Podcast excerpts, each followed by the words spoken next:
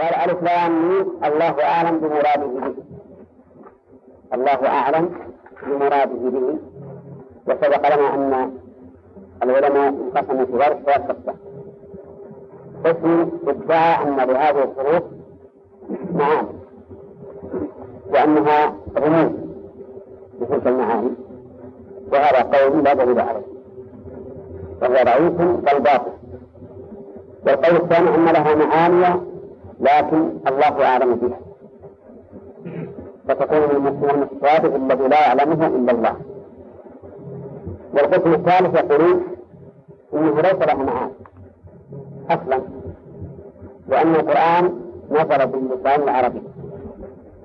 واللسان العربي لا يرى لا, لا يكون لهذه الحروف معاني أبدا. وهذا قول المجاهد هو الصحيح أنه لا معنى له. فإن قال قائل كيف تجزمون بأنه لا معاني لها والنفي يحتاج إلى حجة؟ قلنا نجزم بذلك لأن القرآن نزل بلسان عربي مبين. واللسان العربي ليس فيه هذه الحروف الهجائية هذه الحروف في اللسان العربي معناها أنها حروف يكون منحكرة فقط. ولكن ذكروا أن لهذه الحروف الهجائية لها مغزى. ما هو المغزى؟ هو أن هو إظهار عكس هؤلاء المكذبين. وأن هذا القرآن من هذه الحروف التي تكونون منها كلامكم. ومع ذلك فقد أعجبكم. هو لم يأتي بشيء جديد إنما أتى بالحروف التي تركبون كلامكم منها. قالوا ويدل لذلك أنك لا لا تكاد ترى سورة ابتدأت بهذه إلا ويليها ذكر أخرى نعم. قال الإسلام تنزيل كتاب القرآن. من رب كتاب القرآن. وسمي كتابا وهو اسم وهو فعال بمعنى مفعول أو مكتوب سمي كتابا لأنه كتب لوح محفوظ وفي الصحف التي بأيدي الملائكة وفي الصحف التي بأيديهم ولهذا سمي كتابا قال وقال مبتدا أي مبتدا تنزيل ولا الكتاب؟ تنزيل لأن الكتاب مضاف إليه ما هو مبتدا مبتدا لا ريب شك فيه خبر أول. تنزيل الكتاب لا ريب فيه. يعني أن تنزيل الكتاب مؤكد ما في ريب. وهل النفي هنا على بابه؟ أو هو نفي بمعنى النهي. أو لا ترتاب فيه قولان. ومن العلماء من يقول إن النفي هنا بمعنى النهي. فمعنى لا ريب فيه أو لا ترتاب فيه ومن أهل العلم يقول إن المراد بالنفي حقيقته. والمعنى أن هذا الكتاب ليس فيه ريب وإذا لم يكن فيه ريب لازم من ذلك. النهي عن الريب. لأنه إذا انتفى الريب في القرآن فلا يحل لنا أن أن نرتاب فيه. وهذا المعنى وهذا القول أبلغ. أن يكون بالنفي ليس فيه ريب. سواء ارتاب فيه من ارتاب أم لم يرتاب. فهو حقيقة لا ريب فيه. والريب يقول المؤلف إنه الشك. ولكن ذهب بعض أهل العلم إلى أنه لا يوجد كلمتان مترادفتان في المعاني. بل لا بد أن يكون هناك فارق وقالوا إن الريب شك مع قلق. شك مع قلق وريبة. فليس مطلق شك بل هو شك خاص وهو الذي يكون فيه إيش؟ القلق والارتياب وكون يكون معها إشغال بخلاف الشك المجرد. وقوله من رب العالمين خبر ثاني. من رب العالمين وقلنا خبر ثاني. والمعنى تنزيل الكتاب مؤكد لا ريب فيه. تنزيل الكتاب من رب العالمين. وعلى هذا فيكون الخبر الأول جملة. أولا الخبر الأول لا ريب فيه جملة لأن بان في الجنس وريب اسمها وفيه خبر وهو جملة. والخبر الثاني من رب العالمين شبه جملة يعني جار مجنون وقول من رب العالمين رب العالمين الذي خلقهم وملكهم وملك التصرف فيه. الربوبية تشمل ثلاثة أشياء. الخلق بعد والملك والتدبير الخلق والملك والتدبير وقولها العالمين المراد به ما سوى الله. ما سوى الله عز وجل. وسمي وسمي ما سوى الله عالما لأن فيه لأنهم علم على خالقهم. فما من شيء إلا فيه آية من آيات الله سبحانه وتعالى تشهد له بالوحدانية والقدرة والعزة وغير ذلك. وقوله تنزيل الكتاب لا ريب فيه من رب العالمين يعني أن هذا تنزيل الكتاب من الله لا إشكال فيه. فليس قول محمد ولا قول جبريل ولا قول أحد من الخلق بل هو من رب العالمين وحده. ويجوز في الإعراب أن نجعل لا ريب فيه في موضع نصب على الحال ذلك الكتاب خاليا من الريب. من أين هو؟ من رب العالمين. ويجوز أن نجعل لا ريب فيه خبر واحد. من رب العالمين حال من قوله لا ريب فيه. يعني فيجوز أن تجعل أن تجعل الجملتين خبرين أو إحداهما خبرا والأخرى حالا. وعلى كل حال فمعنى الآية الكريمة. أن تنزيل الكتاب أمر لا شك فيه. وأنه من رب العالمين أيضا لا شك فيه. وعندي أن أحسن ما يقال في أراد أن نجعل تنزيل الكتاب من رب العالمين ولا ريب فيه هو الحال تنزيل الكتاب من رب العالمين لا من غيره. ولا ريب فيه يكون حالا. ثم قال أن بل يقولون افتراه محمد. أن يقول المؤلف إنها بمعنى بل إذا فهي للإضراب وليست للانتقاد. يعني أنها للإضراب نعم لا للإضراب الانتقاد. وليست للإضراب الإبطالي لأنها لم تبطل ما سبقها. ولكنها مع ذلك مضمنة معنى بل والهمزة. وأصل أن يقولون بل أيقولون افتراه والاستفهام في هذه الآية للإنكار بدليل قوله لا. لا. يعني أنه ليس مفترا ليس مفترا والافتراء معناه إيش معنى؟ الكذب. فمعنى افتراه أي كذب. ادعائه أنه من عند الله. ثم قال تعالى بل هو الحق. بل هنا شنو؟ الإضراب الإبطالي الإضراب الإبطالي قال بل هو أي القرآن أو الكتاب كما عبر الله به. بل هو الحق من ربك. بل هو الحق أي الثابت الذي لا يتزلزل. وهو الحق الذي المشتمل على كل خير. وقوله من ربك رجال المسور حال من قوله هو يعني حال كونه من ربك. وتأمل في الآية الأولى من رب العالمين. وهنا قال من ربك لأن الذي اتهم بالافتراء من الرسول صلى الله عليه وسلم. فأراد الله تعالى أن يبين أن الرسول عليه الصلاة والسلام لا يمكن أن يتهم الكذب لأن لأن له ربوبية خاصة وهي قوله من ربك. الربوبية هنا ربوبية خاصة. ثم بين الله الحكمة من ذلك في قوله وتنذر قوما إلى آخره. رب العالمين وفي هنا قال من ربك.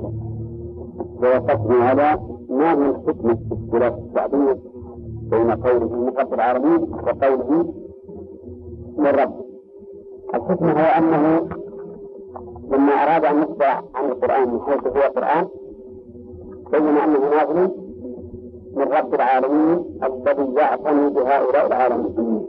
فينزل عليه الكتاب. لأنه لما كان رب العالمين وجب على جميع العالمين أن يقبلوا لأنهم يفضلون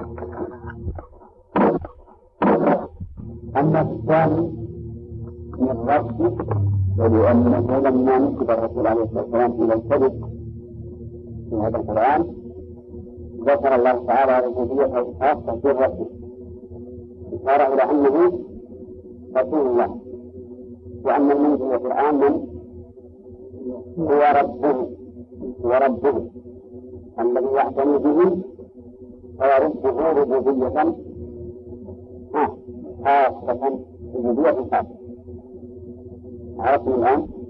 ففي الأول من حيث القرآن من حيث من حيث وصف القرآن بأنه قرآن من رب العالمين. وفي الثاني قال بل هو الحق من ربك الذي يعرف الربوبية الحق وأنت رسوله. قال تعالى لتنذر قوما لتنذر لتنذر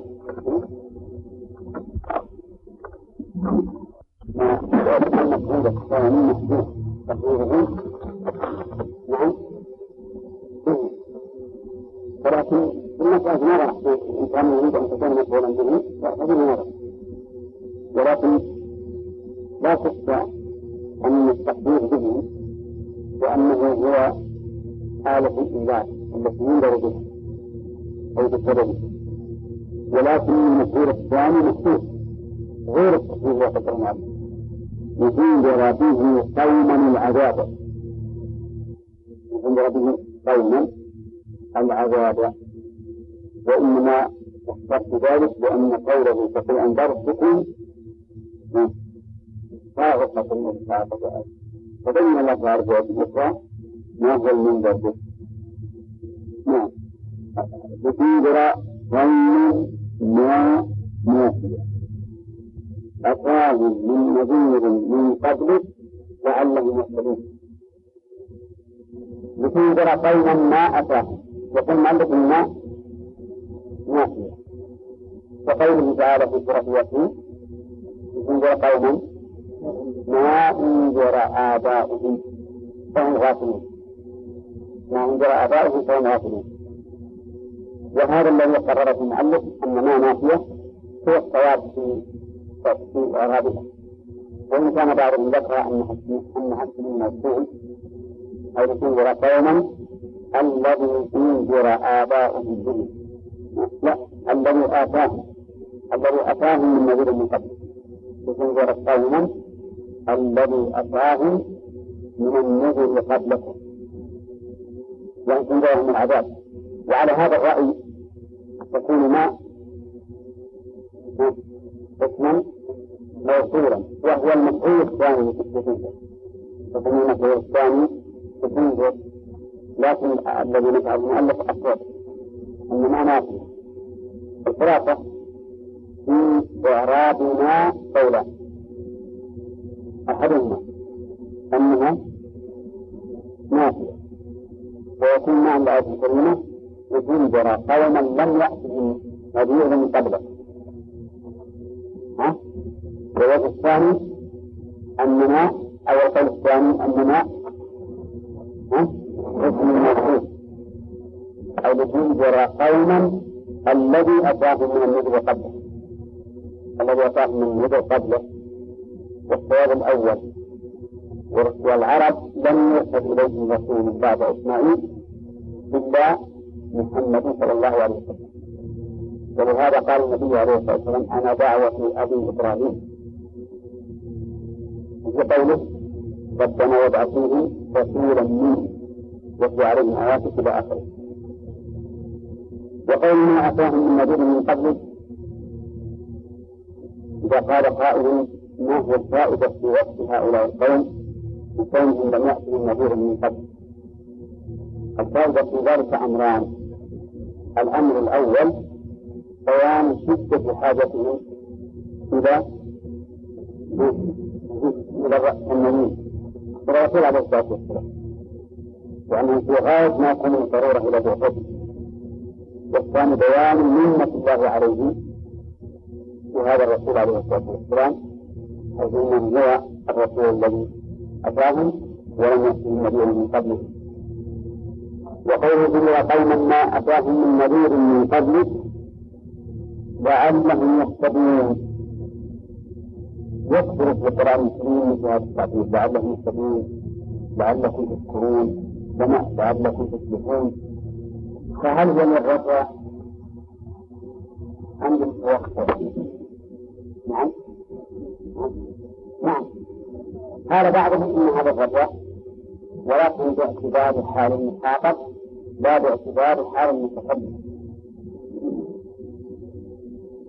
لماذا لا باعتبار حال المتقدم؟ لأن الله تعالى ما الله عز وجل لأن الرجاء هو الطمع في نيل ما يعصر إدراكه نعم. لا يتعذر لكنه يؤمل إلا أن فيه من الشدة والرب عز وجل لا يمكن أن يكون في هذا الوقت فيكون ترجيا باعتبار حال المخاطب وقيل إن لعل للتعليم. لعل للتعليم. وكل تعالى يجعل الشيء علة للشيء هل فيه نقص؟ لا بل هو من كماله سبحانه وتعالى أن يضرب أسباب أسبابه يرجع على هذا هذا القول يرجع عليه أن العلة ملازمة للمعلوم. فإذا قال هنا لعلهم يهتدون لازم أن يهتدوا. هذا مع علة فالعلة ملازمة للمعلوم. لما جعل هذا النبي يلزم يلزم اتباعه. يلزم اتباعه. الجواب على ذلك أن يقال إن العلة علتان علة ضائفة وعلة غائية والعلة الضائفة موجبة وغير موجبة وهذه كقوله تعالى وما خلقت الجن والإنس إلا ليعبدوا مع أنهم ما يعبدون ما يعبدون الله كلهم. وكقوله وما أرسلنا من رسول إلا ليطاع بإذن الله. إلا ليطاع بإذن الله. ومعلوم أن كثيرا من الرسل ها؟ رسل آه نعم. ما ما رسول لكن هنا العزلة البائسة غير الموجودة يعني أن الحكمة من هذا هو هذا. ثم قد تحصل وقد لا تحصل ونصر لذلك بقوله فريت القلم لأقصد به. أي بهذه الغاية. ولكن هل يجب أن تكتب ولا لا؟ لا. قد تكتب وقد لا قد تكتب وقد لا نعم. لعلهم يهتدون الاهتداء هنا يشمل الهداية هداية الدلالة. وهداية التوفيق فإن الرسول عليه الصلاة والسلام جاء بهداية الدلالة والتوفيق بيد الله عز وجل. ولا توفيق إلا بعد علم. لعلهم يهتدون بإنذاره ثم قال الله الذي خلق السماوات والأرض وما بينهما في ستة أيام. الله مبتدأ والذي اسم موصول خبر وخلق بمعنى أوجد بتقدير ونظام. وأن الخلق في الأصل في اللغة التقدير. كما في قول الشاعر ولا أنت تسري ما خلقت ما خلقت وبعض الناس يخلق ثم لا يخلق. ويطلق الخلق على الإيجاد بتقدير. وهو المراد به هنا وقول السماوات هي الأجرام المحسوسة وهو سبعة والأرض المراد بها الدين ويشمل الدين. جميع العربية. على السماوات والأرض وما بينهما يعني والذي بينهما. الذي بينهما ما؟ السحاب بين نعم. بين السماء والأرض كذلك النجوم القمر الشمس وما أشبه ويدل على أن هناك أشياء قد لا نعلمها إلا الآن إلى الآن العلم يكتشف أشياء كثيرة مما بين السماء والأرض. ويدل على أن ما بين السماء والأرض أنه ليس مجرد. اتحاد فقط. بل وصول وراء ذلك أن الله تعالى جعله قسيما وخلق السماوات والأرض. فلا بد أن يكون شيئا عليما يقابل هذه المخلوقات. نعم. وما بينهما في ستة أيام قال أولها الأحد وآخرها الجمعة. وقد فصل الله تعالى هذه الأربعة في سورة الفصل. وقال تعالى قل أئنكم لتكفرون بالذي خلق الأرض في يومين وتجعلون له أندادا ذلك رب العالمين. وجعل فيها رواسي من فوقها وبارك فيها وقدر فيها أقواتها في أربعة أيام سواء للسائل طيب الآن خلق الأرض كم؟ أربعة أيام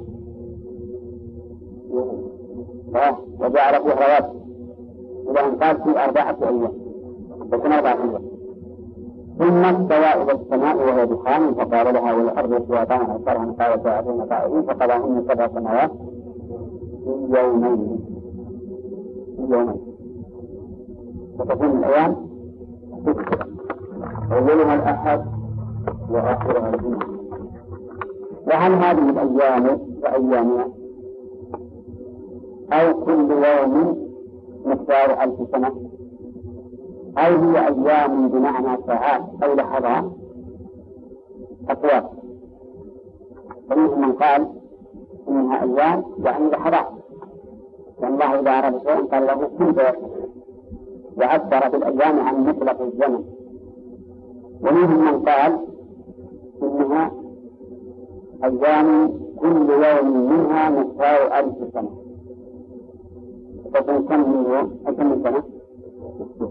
اتبع نفسه ومنهم من قال إنها أيام كأيام لأن الأيام إذا أطلقت المراد بها هذه الأيام المعروفة هذه الأيام المعروفة لكن ما أنها في سورة فصلت فصلت في يومين في أربعة أيام في يومين ولا يمكن أن نخرج دلالة القرآن عن المأخوذ المعروف في اللغة العربية وإن قال قائل هذا القول وإن كان ظاهر القرآن يرد عليه أمران يرد عليه أمران الأمر الأول أنه فيما خلق السماوات والأرض ما في الشمس ولا ما في الشمس حتى تحدد بالأيام فماذا نقول؟ أما بمصاهر الأيام الأمر الثاني يرد عليه النساء لماذا تشرك الإسلام؟ لماذا لم تكن في لحظة أو تكن في أيام طويلة جدا في لحظة باعتبار قدرة الله كن فاتن مهما عد نفسك مدة طويلة باعتبار هذه المخلوقات. يعني ما فيها ألف سنة ولا ألفين سنة ولا ولا مئة ألف سنة. نعم؟ لأن مخلوقات عظيمة. نعم؟ ما ما يكفيها بالنسبة الخصوص وإما أن إما أن تقاس بقدرة الله أو تقاس بحسب واسطته وفي كتبنا بحسب بسم الله. فالأيام الستة ما لمعنى في لحظة. وإن تسميها بحسب واقعها وقد النبع عن قدرة الله. ففي فيها مريض. نعم لأن المخلوقات عظيمة جدا. منظمة في غاية النظام والجواب على ذلك الجواب على هذين هذين الأول عرفنا الجواب عنه. السنة بحسبهم الله والله يعلم ان يكون الشمس يكون بين وبين السنة وكذا وأما الثاني الجواب عنه أن يقال هكذا قال الله عز وجل وليس لنا أن نتعدى ما أخبرنا الله به وأن هذا أمر لا يسعنا أن الإحاطة به وقد قال الله تعالى ما أشهدتم خلق السماوات والأرض ولا خلق أنفسهم ونحن لا نقيس هذه الأشياء بحسب قدرة الله لا بحسب واقعه من المجنون من بناء هذا إن الله عز وجل وإذا نجد أن تقاس بقدرة الله ويقال إن تقديرها في ستة أيام حسب ما تقدير ما تقدرون قدرة الله عز وجل. وليس لنا أن نتكلم بشيء لهذا اليهود لعنة الله عليهم قالوا إن الله تعالى خلق السماوات والأرض في أيام فلما كان يوم السبت استراح استراح وأن يوم راحة الله هو يوم عيده وجعلوا عنده مكة نعم. وكذبوا في هذا. الله عز وجل لا يفعل حتى يصل إخراج البراءة نعم. وقل ثم استوى على العرش استوى بمعنى على استوى بمعنى على استوى على الشيء وقد ذكرنا فيما سبق أن استوى وردت في القرآن على ثلاثة أوجه. مطلقة. مقيدة بإلى ومقيدة على مقيدة بإلى ومقيدة على ومقيدة بالواو وهو مثل أربعة أوجه تأتي على أربعة أوجه مطلقة مقيدة بإلى مقيدة بعلى مقيدة بواو المجيدة طيب إذا جاءت مطلقة فهو بمعنى الثاني بمعنى الثاني كما في قوله تعالى ولما بلغ أشده واستوى أيديه وإذا قلنا بمعنى إذا إذا قلنا إذا فهي بمعنى الفصل الفصل الثاني. كما في قوله تعالى إن إلى السماء والرحى وفي هذه الآية قول ثاني أن استوى بمعنى على. ثم على إليه. وفي هذا كغير من الصفات التي لا تعلم ألوهيتها الوجه الثالث مقيدة بعلى مقيدة بعلى وتكون بمعنى العلو والاستقرار. كما في قوله تعالى وسوف أنت ومن معك على الفلك وسوف أنت ومن معك على الفلك وكما في قوله تعالى المستقيم على ظهوره أو لفعله على ظهوره مستقيم ولم تأتي بغير هذا المعنى أبدا في العربية إذا عدت بعلى ما تأتي إلا بهذا المعنى لا تأتي لا تكون بغيره أبدا. الثالث مقيدة الرابع مقيدة الرابع مقيدة بواو المعية فتكون بمعنى تساوى. السواء بمعنى تساوى كقوله استوى الماء والحسبة هو الماء والحسبة يعني تساوي الماء والماء نعم. صارت سجن طيب. الثاني المهم لنا هو استوى على العرش. ما تأتي في اللغة غير هذا المعنى إطلاقا وقد جاءت في القرآن الكريم في سبعة مواضع ما فيها موضع واحد اختلف في التعبير عن هذا. كل استوى العرش الرحمن على العرش استوى كما فهو عند أهل السنة والجماعة بمعنى على على العرش واستقر عليه وروي عنهم ارتفع وروي عنهم صعد وارتفع وصعد وعلى معناها متقارب. ولهذا فسرنا النقول بمعنى على واستقر. أما ارتفع وصعد فهو مقارب بعض طيب. هذا الاستواء استواء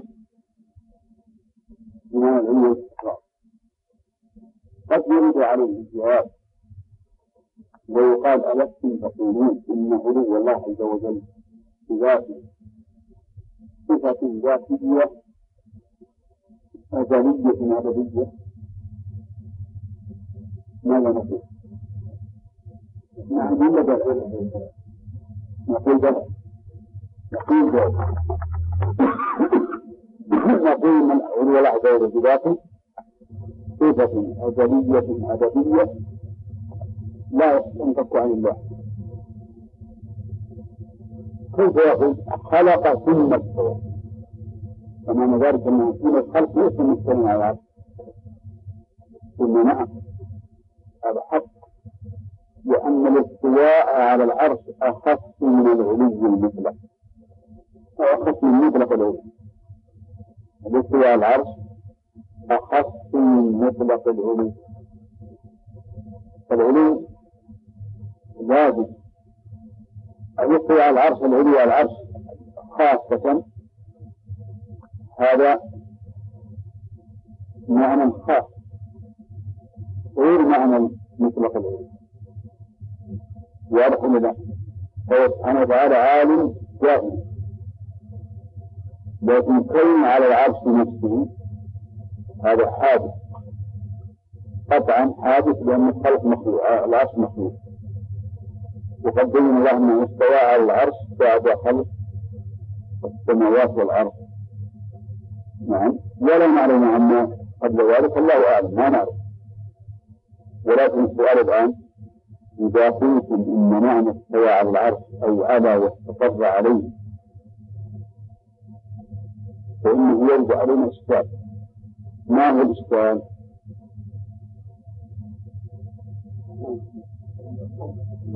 ما هو عننا نقول بأن علو الله عز وجل وصف ذاتي أزلي أبدي فكيف تقولون إن هذا الصلاة عليه وأنتم تقولون إن العلو صفة ذاتية أزلية أبدية كيف هذا؟ نقول علو علو مطلق علو وعلو خاص بالعكس الأول الذي يطلق العلو إيش؟ صفة ذاتية. أزلية أبدية. ومعناها لم يزل ولا يزال عاليا بذاته أبدا من الخلق. نعم. أما استواء العرش فهو صفة فعلية خاصة. في العرش. أجل مثلا نقرب المعنى الإنسان إذا كان على السطح فهو عالم على من تحت السطح. أليس كذلك؟ فإذا وضع له كرسي في السطح وجلس عليه صار علوه على هذا الكرسي. علوا خاصا مع ثبوت العلو الأول. الذي يطلق عليه. لكن هذا علو خاص على هذا الكرسي. على هذا الكرسي. وتبين أن هناك فرقا بين العلو بالمعنى العام فإنه وصف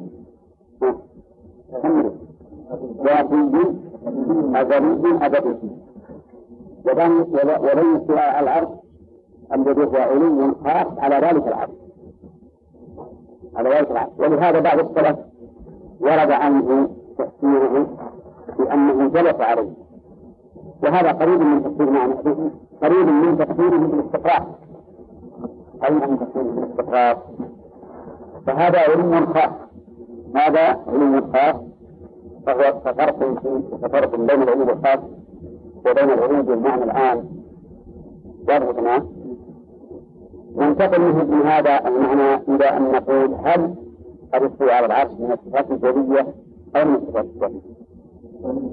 الجواب من الصفات الفعلية.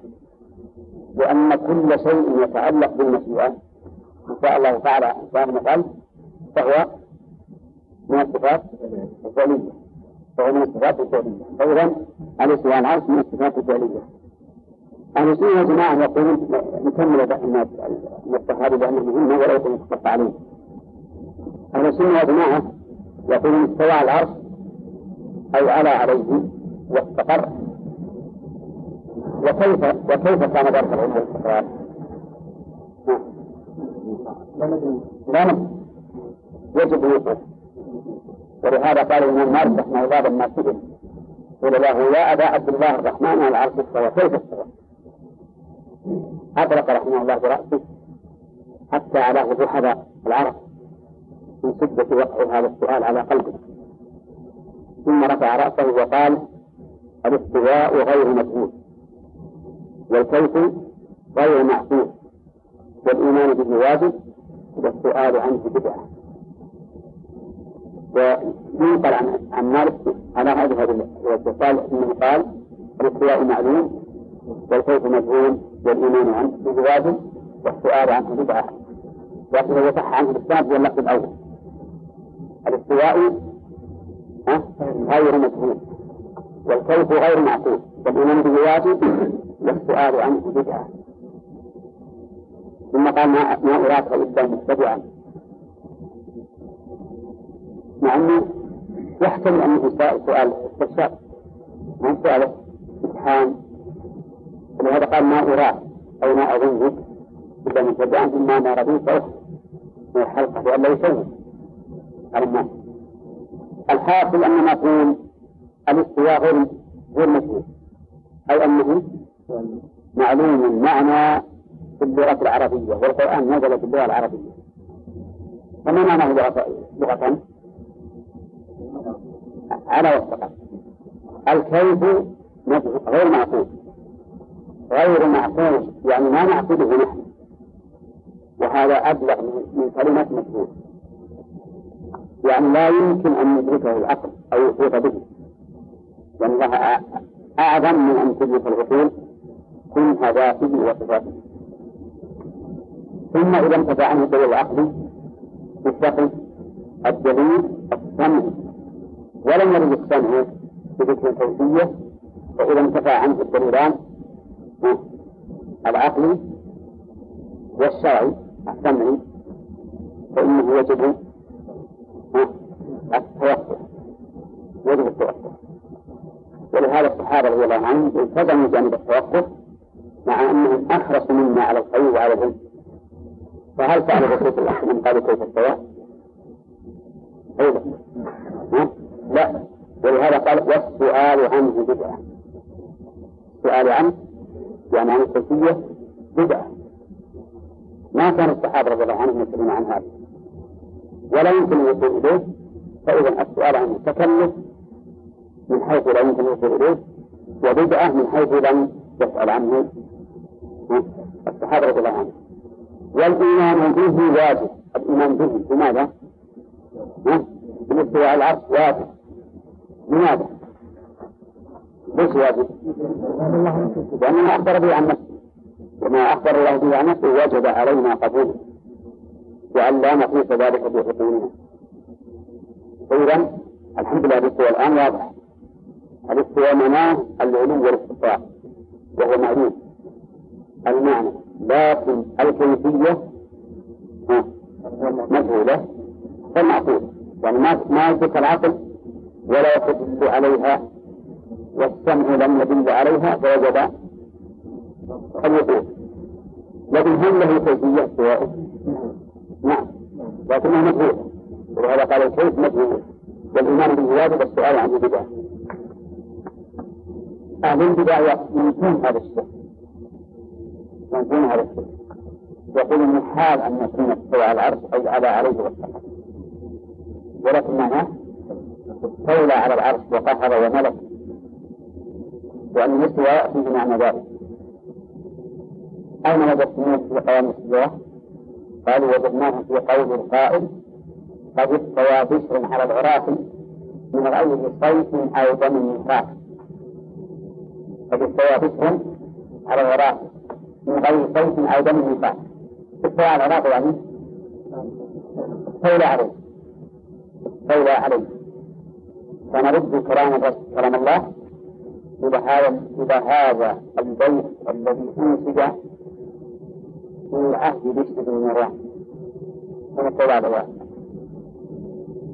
نعم. وهذا البيت يقال إن قائله مجهول. نعم. لا أكثر أكثر من كلام الرجال يقول إن قائله مجهول.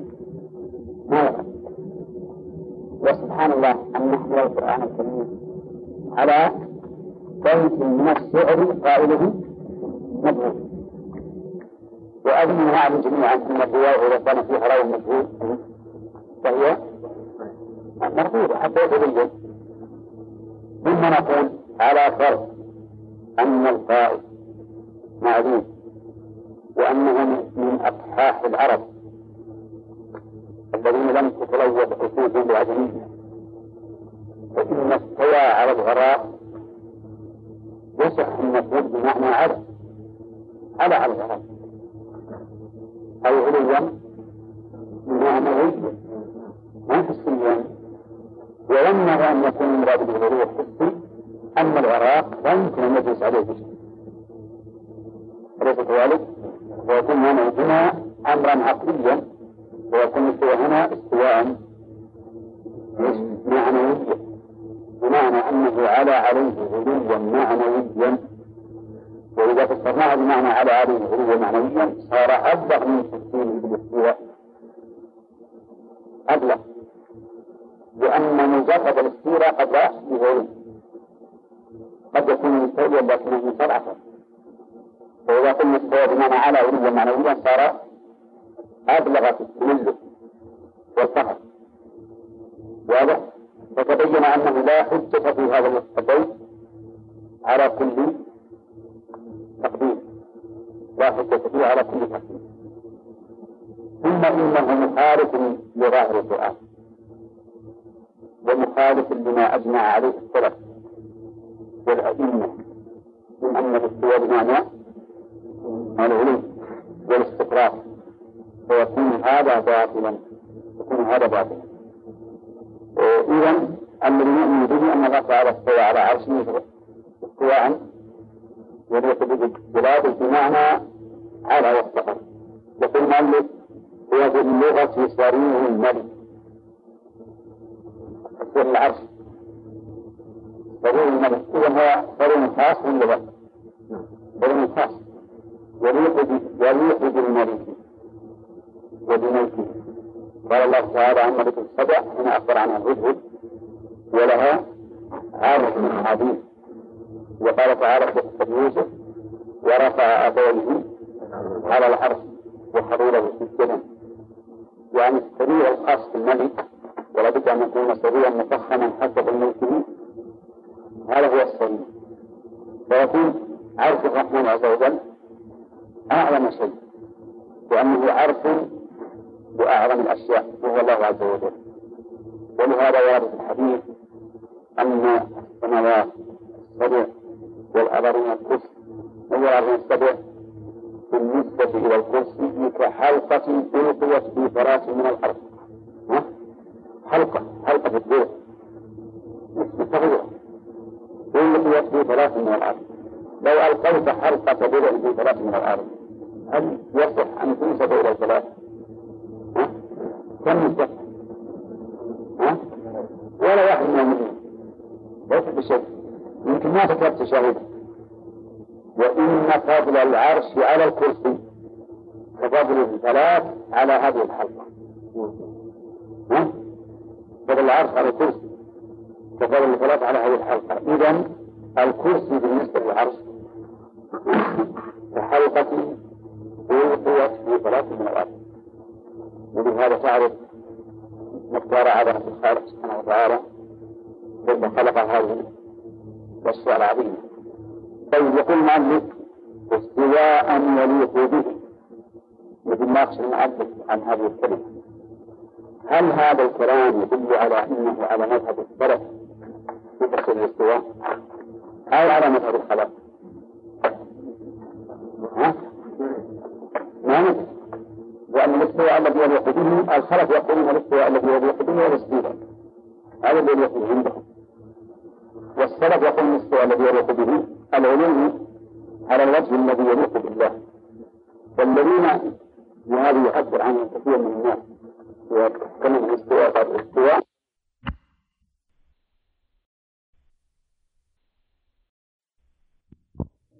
العبارة هذه مجملة. فيجب أن تضيف إليها استواء أي على واستقر استواء يليق به. نعم. قال ما لكم من دونه من ولي. ما لكم ما نافيه والخطاب في قوله لكم قال المؤلف يا كفار مكة والصواب العموم. يعني ما لكم أيها المخاطبون. يشمل كفار مكة وغيرهم. من دونه من ولي. الدون بمعنى سوى. يعني ما لكم من سواه.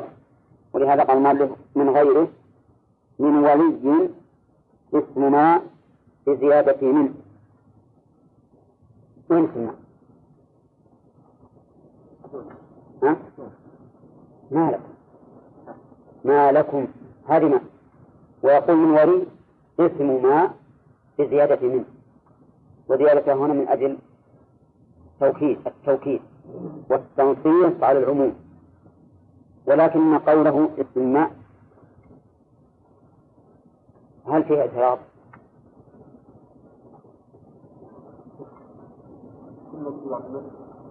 ها؟ إيه في ما نافع طيب لا إعراب قول اسم ما خطأ ابن مالك وش يقول؟ لا. مع بقى النفي وترتيب ذكر مع بقى النفي وترتيب ذكر فلا بد فيما أن تكون مرتبة. يعني الاسم قبل الخبر. فإن لم تكن كذلك فإنها لا تعمل. لأنها هي ما تعمل إلا على إلا على لغة الحجازيين بالشروط التي ذكرها ابن مالك. فيكون قول المؤلف رحمه الله اسم ما ويكون سبقة قلم أو سهوا فإن ما هنا غير عامل هنا ما ما فقط. وسبب بطلان عملها عدم عدم ترتيب. طيب أين الخبر؟ أين خبر المبتدأ؟ ما هو خبرنا؟ خبر المبتدأ قوله لكم. ما لكم من دونه من ولي يقول أي ناصر؟ ولا شفيع. فسر الولي هنا بالناصر. وقد يعترض عليه. لأن الله تعالى يقول في آية أخرى ما لكم من دونه من ولي ولا نصير. من ولي ولا نصير. والعكس يقتضي المغايرة وأن النصير غير الولي. ولهذا الأولى أن نفسر الولي بمن يتولى أمر الإنسان. يتولى أمره بجلب الخير له ودفع الضرر عنه. ثم إن قرنت بالنصير صارت خاصة بجلب الخير والنصير بدافع, بدافع الشر. المراد من ولي أي من متول لأمره بجلب الخير له ودفع الشر عنه. وقوله ولا شفيع أي شافع يشفع لكم. ولهذا قال ولا شفيع يدفع عذابه عنكم. هذا أيضا فيه نظر. لأن الشفيع ليس يدفع ولكنه يشفع ويطلب. الدافع هو الناصر والولي. أما الشفيع فإنه ليس يدفع ولكنه يتوسط. ولهذا قالوا في تعريف الشفاعة هي التوسط للغير بجلب منفعة أو دفع مضرة. توسط للغير. لأن الشفيع يأتي شافعا للمشروع له. بعد أن كان فردا صار اثنين. فالصواب أن المراد بالشفيع أي شفيع يشفع لكم عند الله. فنحن الآن ليس لنا أحد يتولانا من دون الله وليس لنا أحد يشفع لنا عند الله عز وجل. فما لكم من دونهم ولي ولا شفيع. ولهذا لا تكون الشفاعة إلا بإذن الله. أليس كذلك؟ من ذا الذي يشفع عنده إلا بإذنه. قال أفلا تتذكرون هذا هذا فتؤمنون؟ أفلا أفلا تتذكرون؟ قدم لنا مرارا وتكرارا أن مثل هذه الجملة يرى النحويون في إعرابها وجهين. الوجه الأول أن تكون الهمزة داخلة على شيء محذوف مناسب للمقام. والفاء والفاء عاطف على ذلك المحذوف. والوجه الثاني أن تكون الهمزة داخلة على الجملة التي بعد العاطف والعاطف عاطفا عاطف على ما سبق. وقلنا إن هذا الوجه أسهل لأن الأول يحتاج إلى تقدير وقد يكون المقدر صعبا إذ قد يشكل على الإنسان ملائمته للسياق فإذا قلت الهمزة للاستفهام وهي مقدمة على حرف العطف والفاء حرف عطف والمعطوف عليه ما سبق. والتقدير بدون بدون تقديم وتأخير التقدير فألا تتذكرون فألا تتذكرون. قال المؤلف هذا فتؤمنون. هذا أفادنا المؤلف رحمه الله بقوله هذا أن المراد بالتذكر هو البصر به والعلم به ويحتمل أن يكون المراد بالتذكر الاتعاظ وعلى هذا فيكون لازما لا متعديا. يعني أفلا تستعظون بعد أن عرفتم مخلوقاته العظيمة واستواءه على عرشه وأنه ليس لكم من دونه ولي ولا شفيع؟ أفلا تستعظون فتؤمنون. يدبر الأمر من السماء إلى الأرض مدة الدنيا ثم يرجع يرجع الأمر والتدبير إليه في يوم كان مقداره ألف سنة مما تعدون في الدنيا. وفي سورة وفي سورة سأل خمسين ألف سنة وهو يوم القيامة لشدة أهواله بالنسبة إلى الكافر.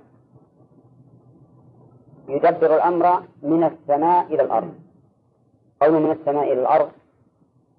المراد بالسماء هنا تلك الأجرام المعهودة المعروفة يدبرها من السماء إلى الأرض ثم يعرج إليه يعرج يعني يرجع إليه كيف ينزل من السماء إلى إلى الأرض ثم يعرج إليه وش اللي يعرج إليه؟ نفس الأمر ولا ما يترتب على ذلك الأمر؟ ها؟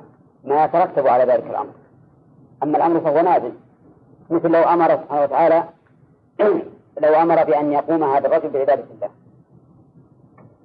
تكون العبادة. ثم ثم يرجع إليه. إيه؟ الثواب العمل أو العقاب عليه حسب ما يفعله هذا العبد.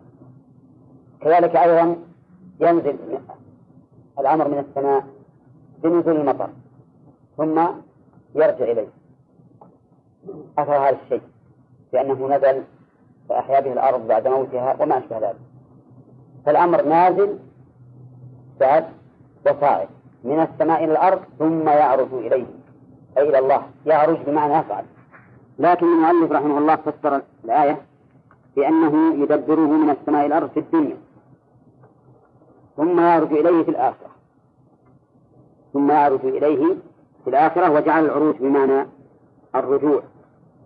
العروج بمعنى الرجوع. ولا شك أن هذا تحريف. لأن العروج غير الرجوع. ولا لا؟ نعم وش معنى العروج؟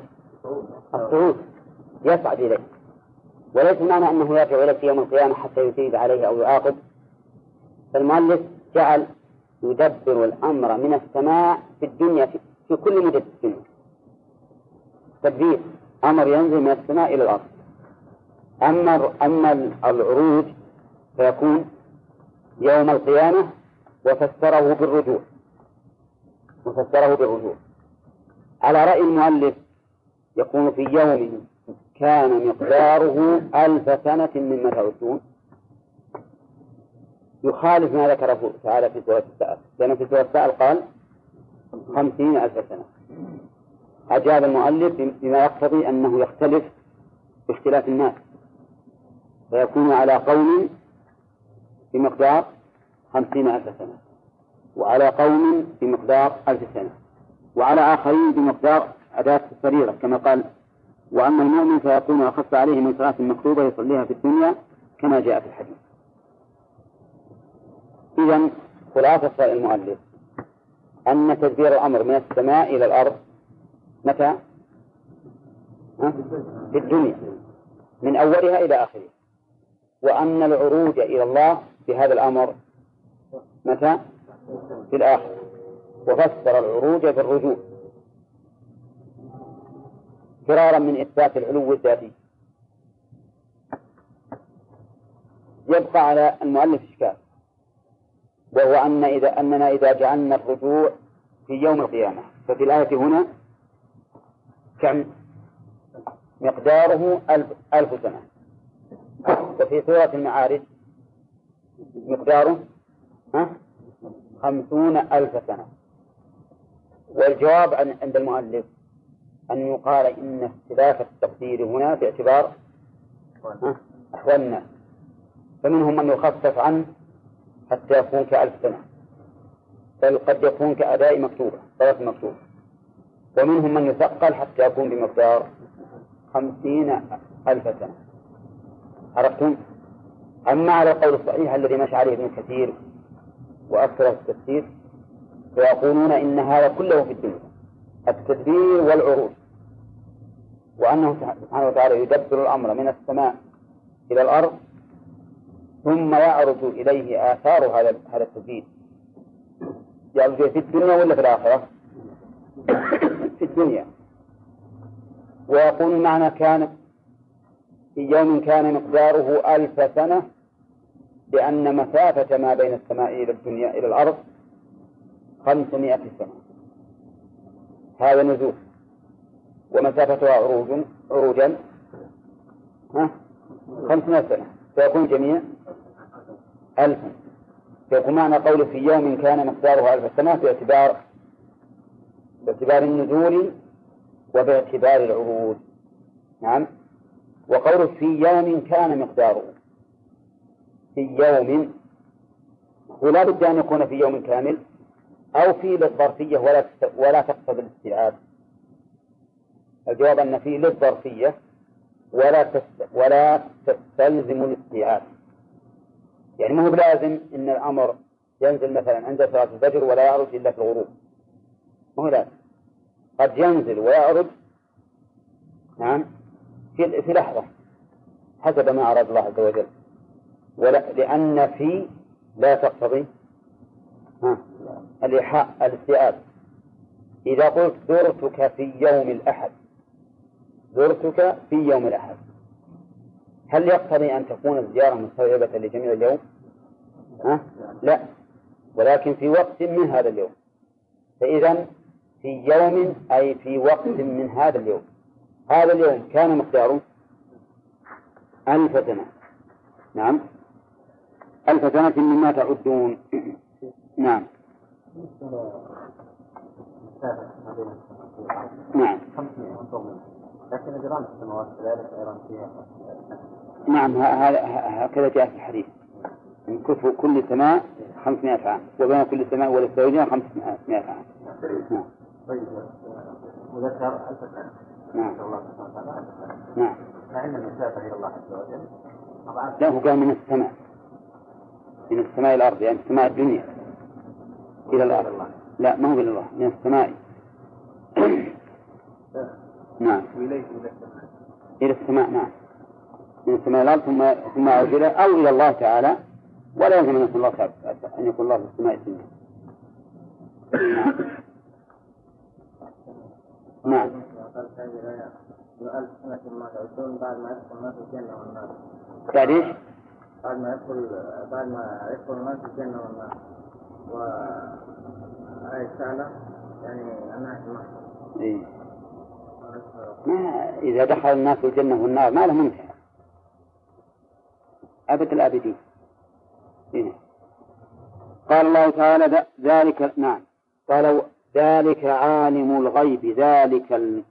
ذلك الخالق المدبر ذلك الخالق المدبر وأتى باسم الإشارة الدال على البعد نعم لعظم شأنه وعلوه تبارك وتعالى. وقول الخالق المدبر اللي تقدم هاتان الصفتان فقط. نعم الخالق المستوي على عرشه ها المدبر لخلقه. والاستواء على العرش من أهم ما يكون في هذا المقام. لأنه مع علوه لا يخفى عليه ما غاب ولا شهد فكان ينبغي أن يذكره المؤلف مع هذا. فهو الخالق وهو المدبر وهو المستوي على عرشه. ومع علوه واستواء على عرشه لا يخفى عليه شيء. ومع خلقه أيضا وتدبيره يخشى يخفى عليه شيء ولا لا؟ لا يخفى عليه شيء. ولهذا الرب عز وجل أعلم منك بنفسك لأنه هو الخالق فهو الذي يخلق خلق جسمك وهو الذي ينميه. وإذا نمى الجسم بمقدار ذرة فإن الله تعالى قد خلق هذا النمو وهل أنت تشعر بما ينمو في جسمك بمقدار ذرة؟ لا. إذا فالله أعلم منك بنفسك لأنه الخالق فهو المدبر وهو المستوى على العرش عالم الغيب والشهادة أي ما غاب عن الخلق وما حضر. الغيب ما غاب عن الخلق وهو نوعان غيب مطلق لا يعلمه إلا الله وغيب نسبي بحيث يكون غائبا عن شخص غير غائب عن آخر. طيب. والمراد الأول ولا الثاني؟ ها؟ كلاهما هو سبحانه وتعالى ما يعلم ما غاب عن الخلق غيبا مطلقا بحيث لا يعلمه أحد وما غاب عنهم غيبا نسبيا فمثلا الآن الذي في الشارع غائب عنا لا نعلمه لكن الذين هناك ها يعلمونه وما هنا نحن نعلمه وهم لا يعلمونه هذا الغيب إيش؟ نسبي أما علم المستقبل وما يكون مما لم يخبرنا الله به فإنه غيب مطلق. الشهادة يقول الحضور. الشهادة الحضور. لأن شهد بمعنى حضر وبمعنى أخبر. لها معاني. فهنا المراد بالشهادة الحاضر. فهو يعلم الغائب والحاضر سبحانه وتعالى. العزيز المنيع في ملكه الرحيم بأهل طاعته. العزيز فسره المؤلف بأنه المنيع في ملكه. ودائما يمر علينا في تفسير المؤلف نفسه فيقول العزيز بمعنى ها؟ الغالب. بمعنى الغالب. وقد سبق لنا أن العزيز هو من اتصف بالعزة. وأن العزة ثلاثة معاني عزة القدر وعزة القهر وعزة الامتناع. عزة القدر والقهر والامتناع. فإذا قلت هذا الشيء عزيز بمعنى أنه ذو قدر. كما يقول قائل لأخيه أنت عزيز عندي يعني لك قدر عندي ومنزلة. وعزيز القهر كما يقال وينصرك الله نصرا عزيزا يعني تقهر به الأعداء والثالث عزة الامتناع.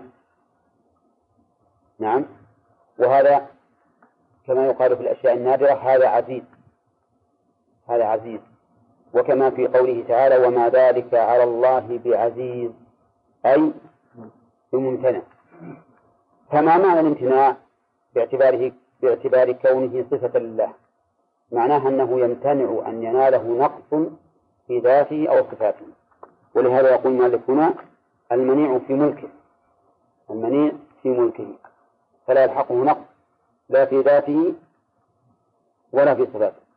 وأما قول الرحيم بأهل طاعته فكأنه أخذ هذا التخصيص من قوله تعالى وكان بالمؤمنين رحيما والصواب أن الرحيم هو من من رحم غيره. ويشمل المؤمنين وغير المؤمنين. ولكنه إذا قيل وكان بالمؤمنين رحيما فالمراد بالرحيم هنا الرحيم الخاص الرحمة الخاصة أما إذا أطلق فهو رحيم بالخلق كلهم. وما بكم من نعمة فمن الله ثم إذا أصابكم الضر فإليه تجأرون. هؤلاء الكفار هل الله عز وجل رحمهم ولا لا؟ هل رحمهم الله؟ نعم بالمعنى العام. بالمعنى العام رحمهم. فهو تعالى ينزل عليهم المطر وينبت لهم النبات ويعطيهم الرزق والصحة وغير ذلك. لكن هذه رحمة عامة. رحمة عامة. أما رحمته بالمؤمنين فهي رحمة عامة وخاصة. نعم. الرحيم بأهل طاعته الذي أحسن كل شيء خلقه. بفتح اللام. فعلا ماضيا. صفة. وبسكونها بدل اشتمال. الذي أحسن كل شيء خلقه. قراءة ثانية. سبعية على القراءة الأولى أحسن كل شيء خلقه الجملة فعلية. صفة لشيء؟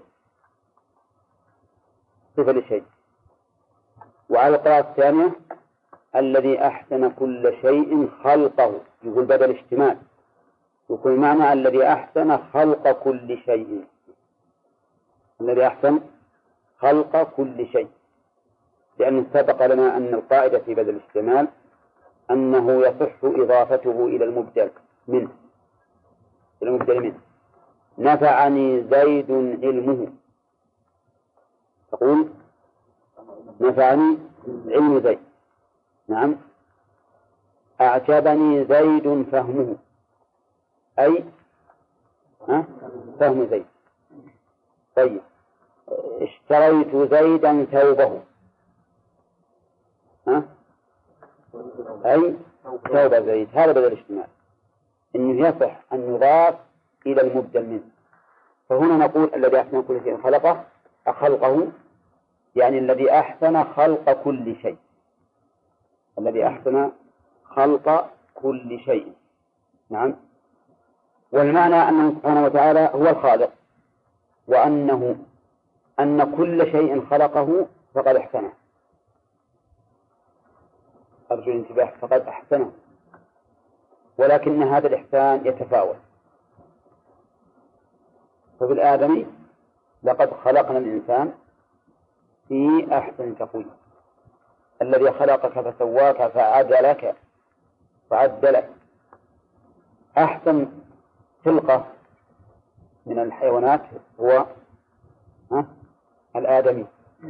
ولكن مع ذلك كل شيء له خلقة تناسبه وهي بالنسبة إليه حسنة. ومن الأنعام حمولة وفرشا. الحمولة ما يحمل عليه والفرش ما لا يحمل عليه. كل شيء منه من هذا وهذا فإنه قد خلق على أحسن ما يكون وأنسب ما يكون لما خلق له.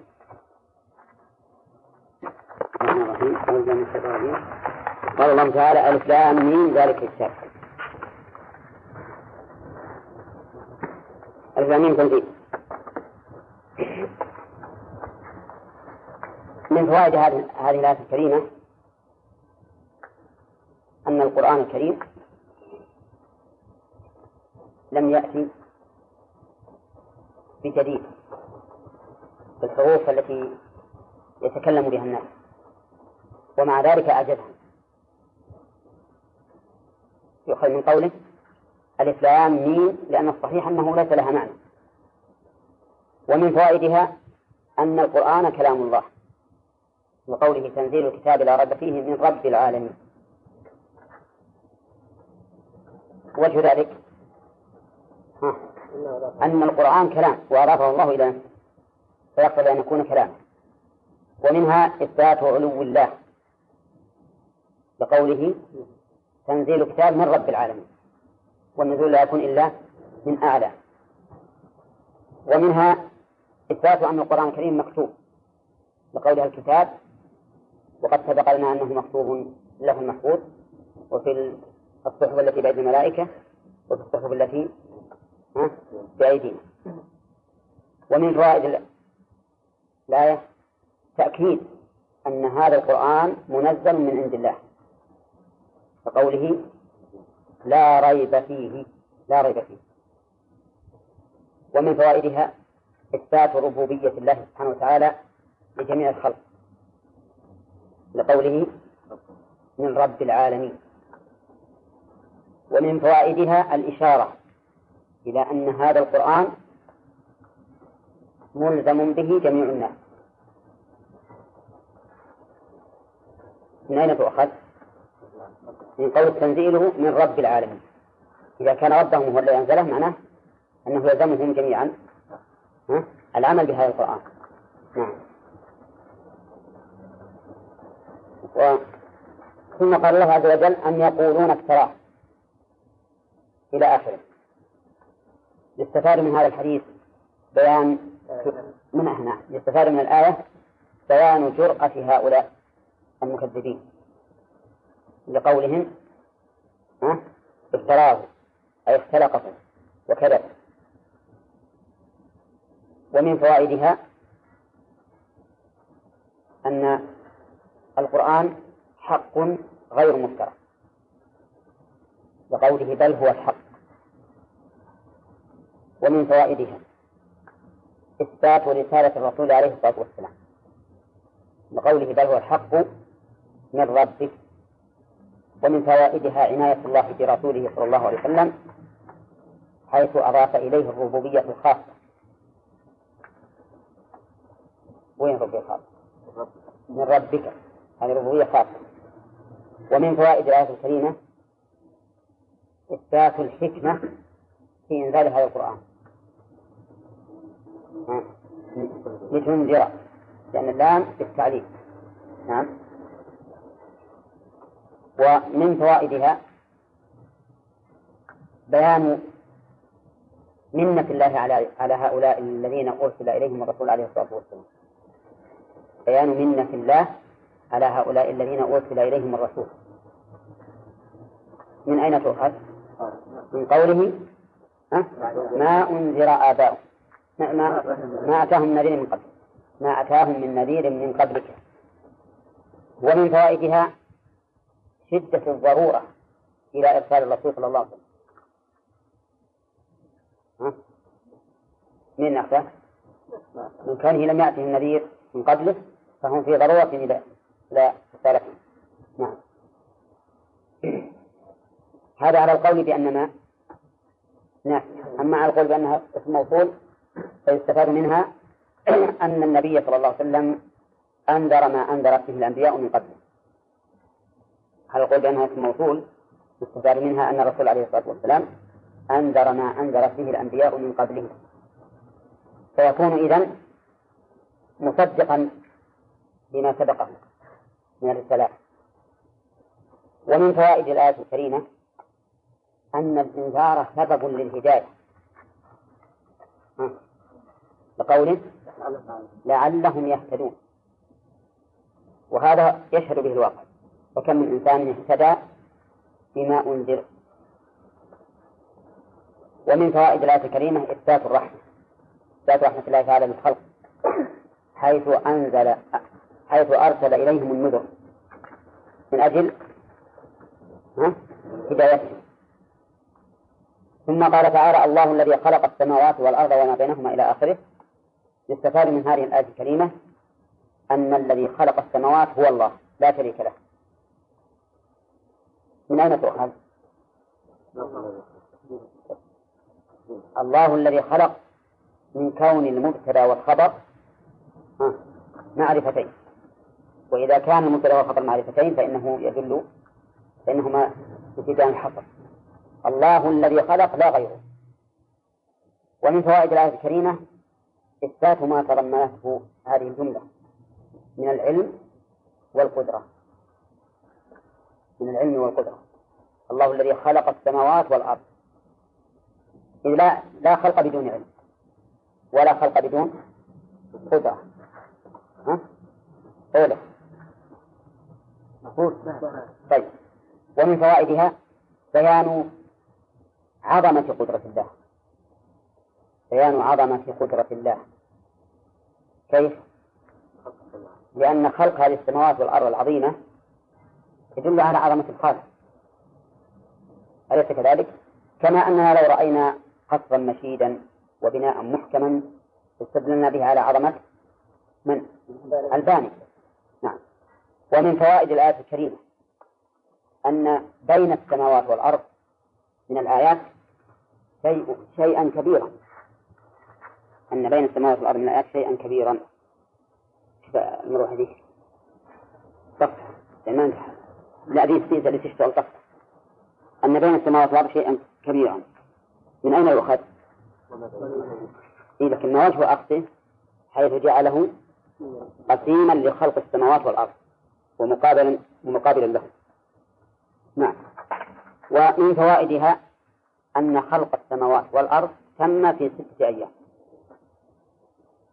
مفصلة في سورة فصل. أربعة في الأرض ها؟ ويومان. في السماء نعم. ومن فوائد الآية الكريمة إثبات علو الله. وقوله ثم استوى على العرش والعرش أعلى المخلوقات. ومن فوائدها إثبات استواء الله على عرشه. وهو علوه واستقراره عليه بدون تكييف. ما نكيف. ومن فوائدها من فوائدها إثبات قيام الأفعال الاختيارية بالله عز وجل.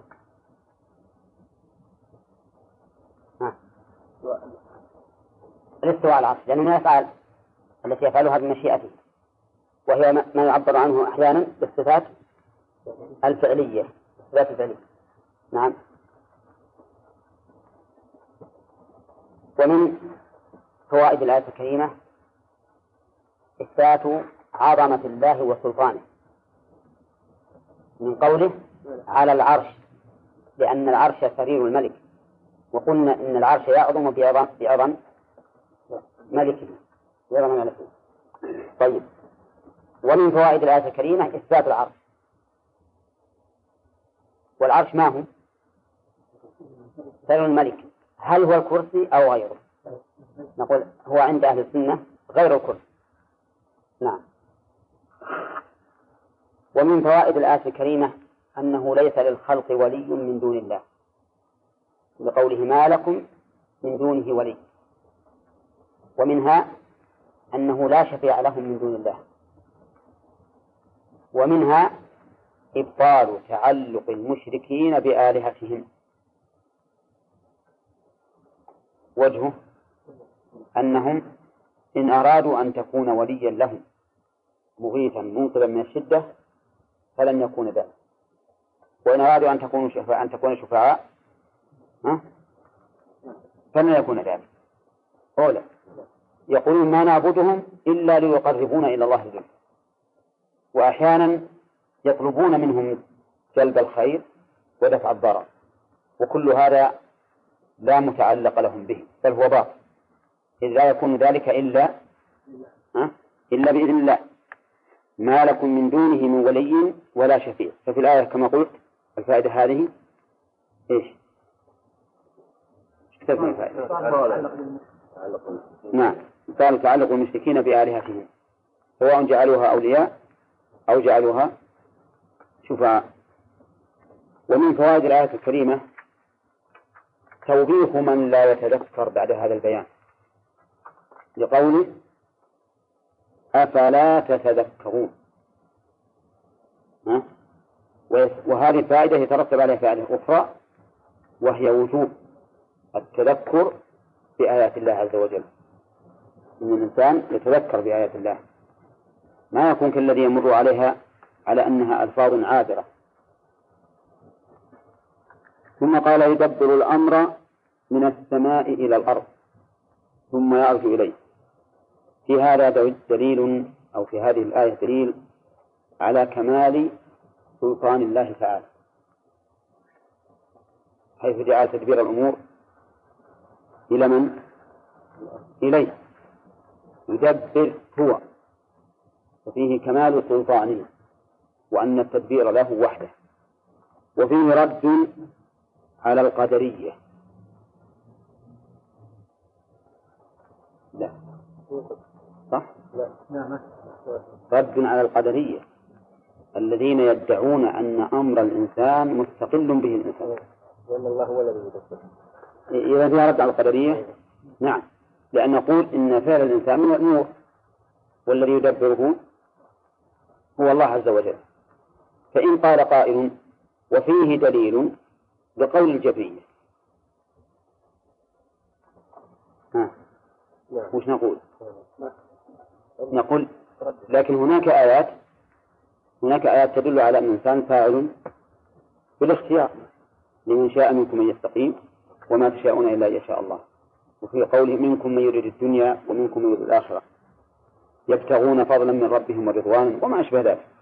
كلها تدل على أن للإنسان إرادة واختيارا. ومن فوائد الآية الكريمة إثبات علو الله عز وجل. إثبات علو الله سبحانه وتعالى. من قوله يدبر الأمر من السماء إلى الأرض ثم يعرج إليه. نعم. فقوله من السماء إلى الأرض هذا النزول. ثم يعرج إليه هذا الصعود. ولا نزول إلا من عال ولا صعود إلا إلى عال يستفاد علو الله تعالى من الجملتين جميعا. يعني كل واحد على الفراش. ومن فوائد الآية الكريمة أن أمر الله عز وجل شامل للسماء والأرض لأنه إذا كان يدبر الأمر من السماء إلى الأرض فالسماء من باب أولى. أيهما أقرب إليه؟ السماء. ومن فوائد الآية الكريمة أن هذا التدبير الذي يكون بلحظة في يوم مقداره خمسمائة آه، مقداره ألف سنة. ألف سنة. نزول وعروج يكون هذا بلحظة. لأن الله يقول كن فيكون. وهذا يدل على كمال نفوذ إرادة الله سبحانه وتعالى. وأنه لا يمنعها بعد. نعم. و ثم قال ذلك عالم الغيب والشهادة العزيز الرحيم في هذه الآية إثبات عموم علم الله. إثبات عموم علم الله. لقوله ها؟ عالم الغيب والشهادة. وفيها آه، من فوائدها إثبات هذين الاسمين من أسمائه. العزيز الرحيم. وما تضمناه من الصفة وهو وهي العزة والرحمة. وكمال عزته ورحمته باجتماعهما. أنه مع كونه عزيزا قاهرا غالبا فهو أيضا رحيم. لأن بعض الأعزاء إذا عز لا يرحم. أولى. وبعض الرحماء تصل به الرحمة إلى أن يكون في مقام الذل. في مقام الذل. فهو سبحانه وتعالى جامع بين العز والرحمة وهذا من كماله أطوال يعني جامع بين العز والرحمة فيه كمال أكثر من إثبات العز والرحمة. وهو أن رحمته مقرونة بعز. ليست رحمة ذل. وأن عزته أيضا مقرونة برحمة. ليست عزة جبروت لا رحمة فيها. نعم. نبدأ الآية مع ما كملناها الآن الذي أحسن كل شيء خلقه فيها قراءتان الذي أحسن كل شيء خلقه.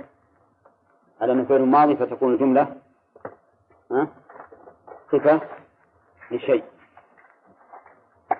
أو أحسن كل شيء خلقه. فتكون بدل اجتماع وقد أعطيناكم قاعدة في معرفة بدل الاجتماع وهي أن تجعل البدل مضافا إلى المبدل منه. تجعل البدل مضافا إلى المبدل منه. ففي قولها أحسن كل شيء خلقه.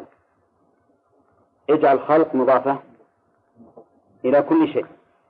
الذي أحسن خلق كل شيء. وتقول مثلا نفعني زيد علمه. تقول نفعني علم زيد. واشتريت زيدا ثوبه. ها؟ ثوب زيد؟ نعم.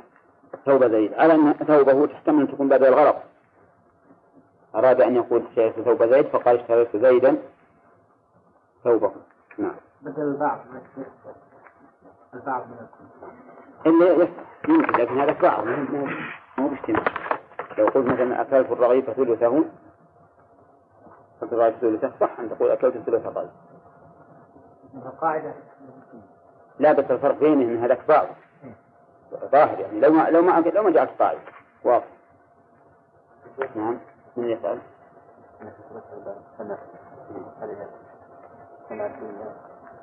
اي نعم. لا الظاهر من السماء الدنيا كما قلنا في التفسير كيف نأخذ من الفائدة؟ في والله. معلوم. لأنه إذا كان في السماء إذا كان في السماء فهو عالم وهو فوق السماء الدنيا. يدبر أمر من السماء إيه. فكان الأمر صادر من السماء إيه هو كذلك هو مارا بالسماء ما دام هو فوق السماوات السبع إذا نزل الأمر لا بد أن يمر من السماء لماذا؟ نعم. لماذا خص السماء؟ لأجل ألف سنة. لأن لو كانت السماء السابعة مثلا ما بالف... ال...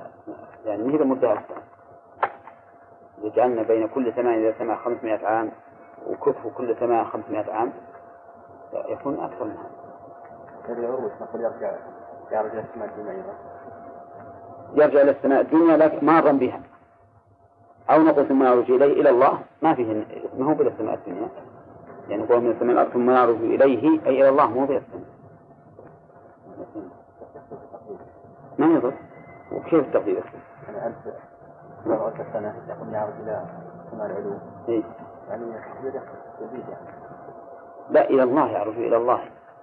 إلى الله. إلى الله تعالى فوق السماء السابعة. أو نقول يرجع إلى السماء لأنه ابتداء ال- ابتداء السماوات اللي هي مقابلة للأرض يعني يرجع إلى السماء مارا بها ثم إلى الله عز وجل. المهم أن اللي يظهر أنها السماء نفسها مو مو بالعلو لأنك إذا قلت العلو فإن أردت علوا خاصا فعينه وإن أردت علوا مطلقا فما الذي يدرينا أنه السنة مقدار هو ما يتصور أن تكون مقدار السنة إلا إذا جعلنا السماء هي الدنيا فقط. قال قوله تعالى من استوى على الحديث والسماوات إذا لا كنت كأنها حلقة نعم.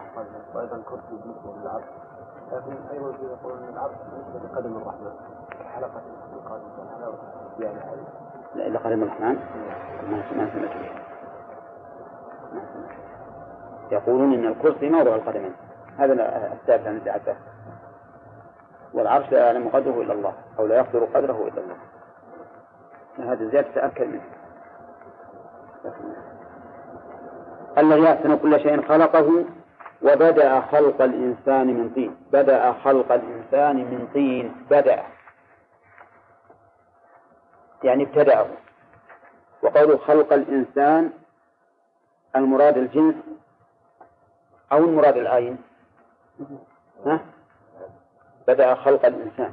المؤلف مشى على المراد العين. إنسان معين وهو آدم. خلق الإنسان من طين. ويحتمل أن يقال أن يكون المراد به الجنس. وبدأ خلق الإنسان لأن آدم من الإنسان. يقول الله بين أن ابتداء خلق هذا الإنسان أصله من الطين. نعم. وفرق بين قوله وبدأ خلق الإنسان وبين خلق الإنسان من طين. فإن الأخيرة أبين في كون المراد بها شيء شخصا معين بخلاف بدأ. على كل حال ال- الآية محتملة لأن يكون آدم أو أن يكون المراد به الجنس هذا قول بأنه آدم نمشي. ثم جعل نسله أي نسل الإنسان الذي ابتدأ من الطين جعل نسله يقول ذريته. لأن النسل بمعنى الانفصال كما في قوله تعالى وهم من كل حدب ينسلون أي ينفصلون مسرعين فالنسل هو الذرية لأنها ناسلة من من أبيها أي منفصلة جعل نسله من سلالة من سلالة من ماء مهين. قوله من سلالة من ماء من ماء هذه صفة السلالة. سلالة من الماء. والغريب أن المؤلف فسر السلالة في العلقة. وليس كذلك. بل السلالة الخالص من الشيء. سلالة الشيء خالصه الذي يسل منه. فقوله من سلالة من ماء أي من خالص من هذا الماء. لأن الماء بإذن الله اللي هو المني هذا يشتمل على حيوانات منوية. منها يخلق ها؟ الإنسان. منها يخلق الإنسان. هذه هذه النطفة في منزلة القمقم في الرحم. يعني فيها. الحيوانات. فيها الحيوانات المنوية فهذا هو السلالة. وقوله من سلالة من ماء مهين. قلت لكم إنها صفة ليش؟ لسلالة. إن هذه السلالة من هذا الماء. قد تقولون لماذا لا تجعلون من ماء مهين؟ بيان لقوله من سلالة. يعني من سلالة هي الماء المهين. يقول هذا خلاف الظاهر. والظاهر أنه من سلالة من هذا الماء. والماء المهين يقول ضعيف وهو النطفة. وسمي ووصف بأنه ضعيف لأنه لا يسيل سيلان الماء فهو يسيل ببطء. والماء أقوى منه سيلان فلهذا قال من ماء مهين. يعني لأن الماء الغليظ مهم مثل الماء الذي ليس فيه غلظة.